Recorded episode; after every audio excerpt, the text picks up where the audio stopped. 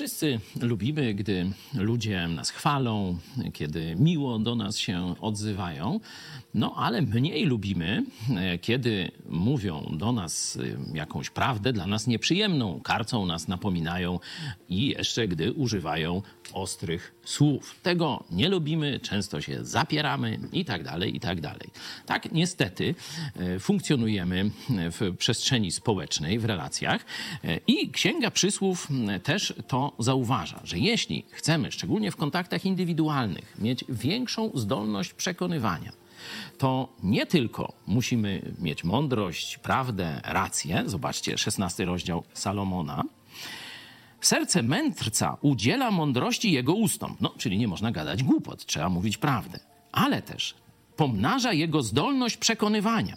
Miłe słowa są jak plaster miodu, czyli treść i forma. Wtedy jest sukces.